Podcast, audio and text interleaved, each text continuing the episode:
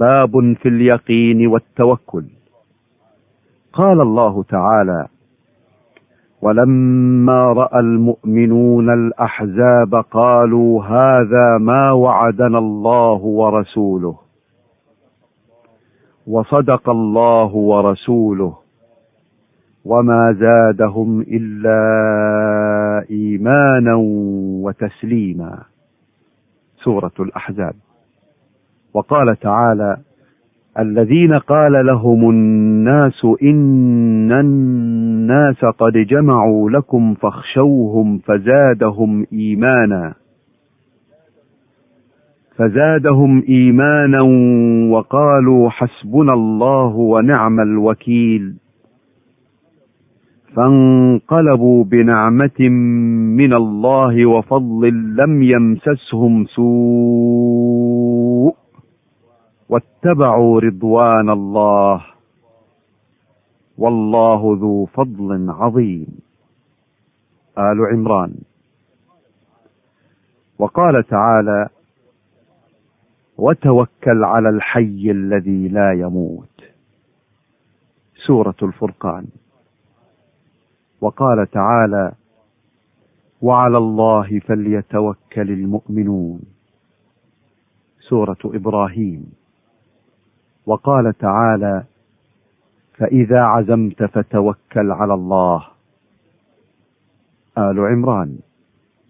والآيات في الأمر بالتوكل كثيرة معلومة. وقال تعالى ومن يتوكل على الله فهو حسبه. سورة الطلاق. أي كافيه. وقال تعالى إنما المؤمنون الذين إذا ذكر الله وجلت قلوبهم وإذا تليت عليهم آياته زادتهم إيمانا وعلى ربهم يتوكلون. سورة الأنفال. والآيات في فضل التوكل كثيرة معروفة. عن ابن عباس رضي الله عنهما قال قال رسول الله صلى الله عليه وسلم عرضت علي الأمم فرأيت النبي ومعه الرهيط والنبي ومعه الرجل والرجلان والنبي وليس معه أحد.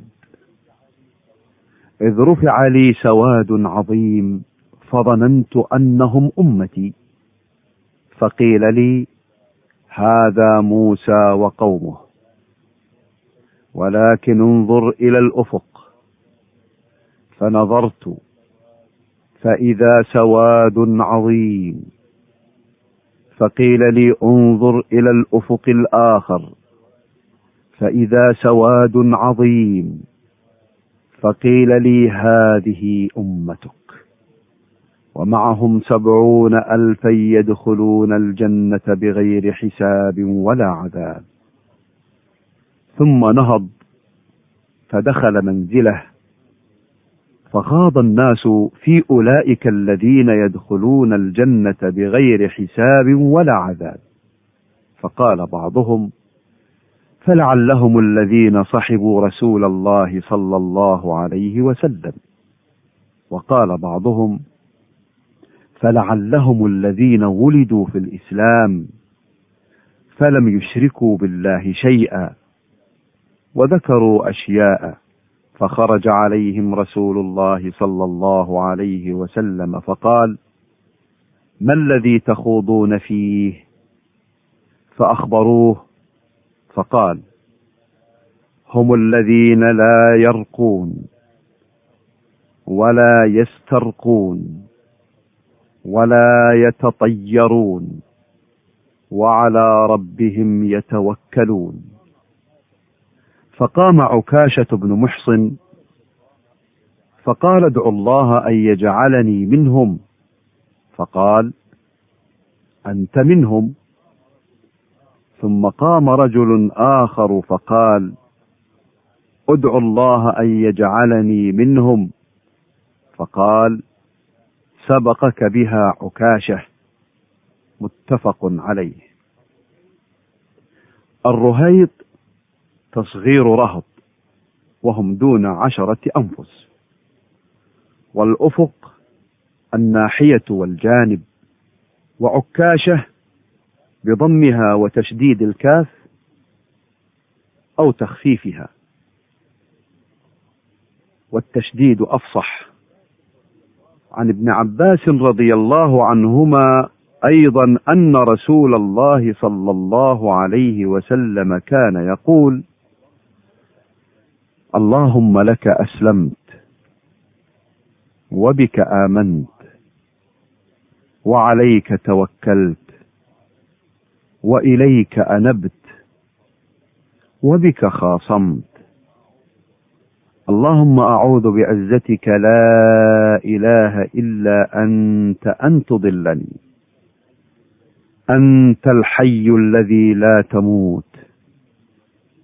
والجن والإنس يموتون. متفق عليه. وهذا لفظ مسلم واختصره البخاري. عن ابن عباس رضي الله عنهما أيضا قال حسبنا الله ونعم الوكيل. قالها إبراهيم صلى الله عليه وسلم حين ألقي في النار. وقالها محمد صلى الله عليه وسلم حين قالوا إن الناس قد جمعوا لكم فاخشوهم فزادهم إيمانا. وقالوا حسبنا الله ونعم الوكيل. رواه البخاري.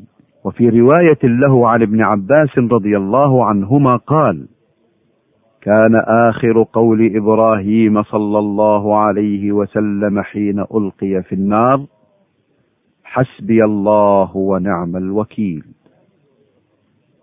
عن أبي هريرة رضي الله عنه عن النبي صلى الله عليه وسلم قال يدخل الجنة أقوام أفئدتهم مثل أفئدة الطير. رواه مسلم. قيل معناه متوكلون. وقيل قلوبهم رقيقة. عن جابر رضي الله عنه أنه غزا مع النبي صلى الله عليه وسلم قبل نجد فلما قفل رسول الله صلى الله عليه وسلم قفل معهم. فأدركتهم القائلة في واد كثير العضاه. فنزل رسول الله صلى الله عليه وسلم وتفرق الناس يستظلون بالشجر. ونزل رسول الله صلى الله عليه وسلم تحت سمره فعلق بها سيفه ونمنا نومه. فإذا رسول الله صلى الله عليه وسلم يدعونا وإذا عنده أعرابي فقال إن هذا اخترط علي سيفي وأنا نائم. فاستيقظت وهو في يده صلتا. قال من يمنعك مني؟ قلت الله. ثلاثا ولم يعاقبه وجلس. متفق عليه. وفي رواية قال جابر كنا مع رسول الله صلى الله عليه وسلم بذات الرقاع فإذا أتينا على شجرة ظليلة تركناها لرسول الله صلى الله عليه وسلم. فجاءه رجل من المشركين. وسيف رسول الله صلى الله عليه وسلم معلق بالشجرة فاخترطه فقال تخافني؟ قال لا قال فمن يمنعك مني؟ قال الله.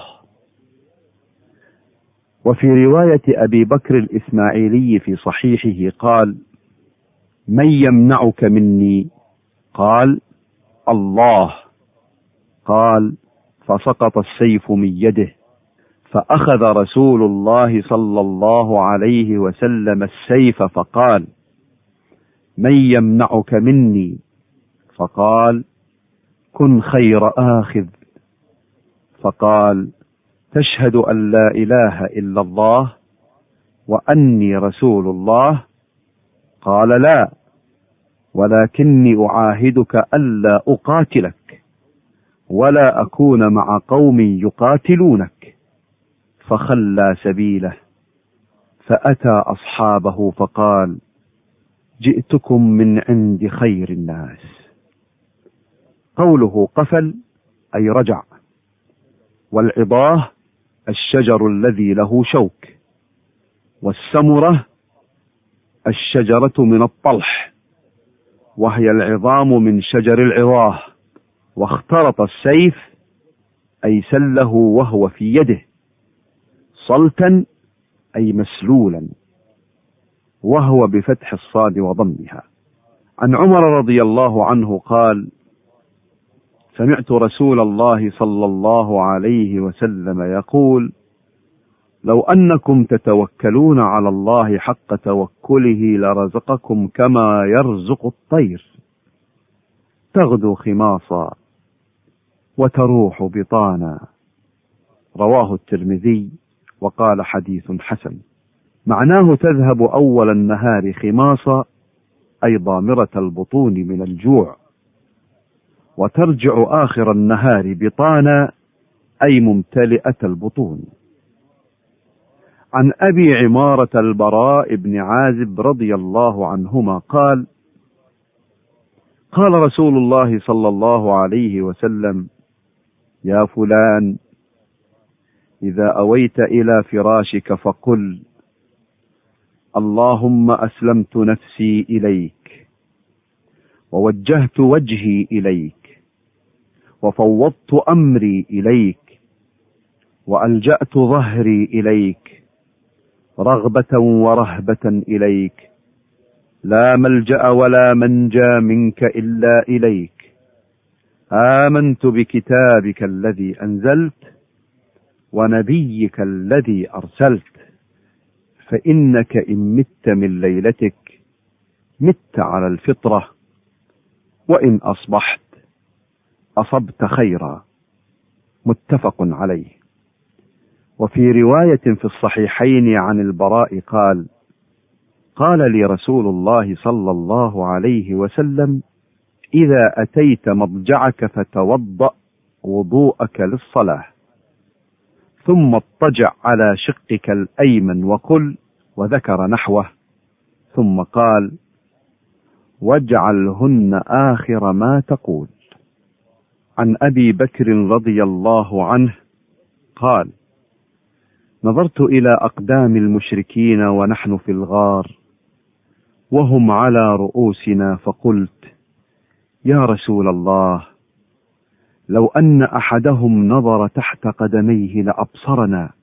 فقال ما ظنك يا أبا بكر باثنين الله ثالثهما؟ متفق عليه.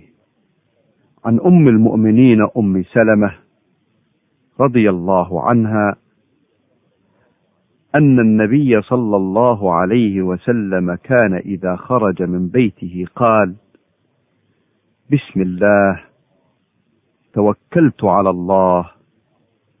اللهم إني أعوذ بك أن أضل أو أضل أو أذل أو ازل أو أظلم أو أظلم أو أجهل أو يجهل علي.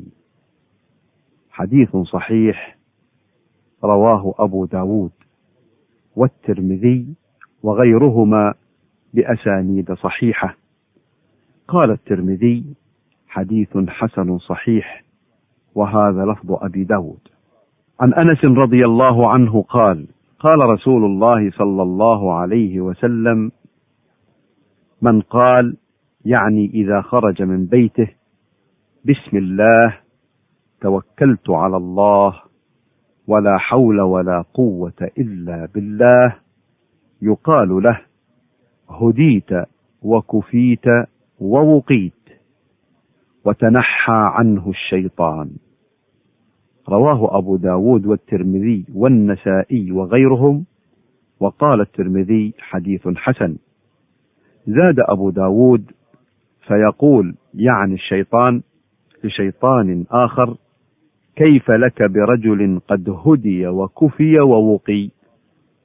وعن أنس رضي الله عنه قال كان أخوان على عهد النبي صلى الله عليه وسلم وكان أحدهما يأتي النبي صلى الله عليه وسلم والآخر يحترف. فشكى المحترف أخاه للنبي صلى الله عليه وسلم فقال لعلك ترزق به رواه الترمذي بإسناد صحيح على شرط مسلم. يحترف أن يكتسب ويتسبب.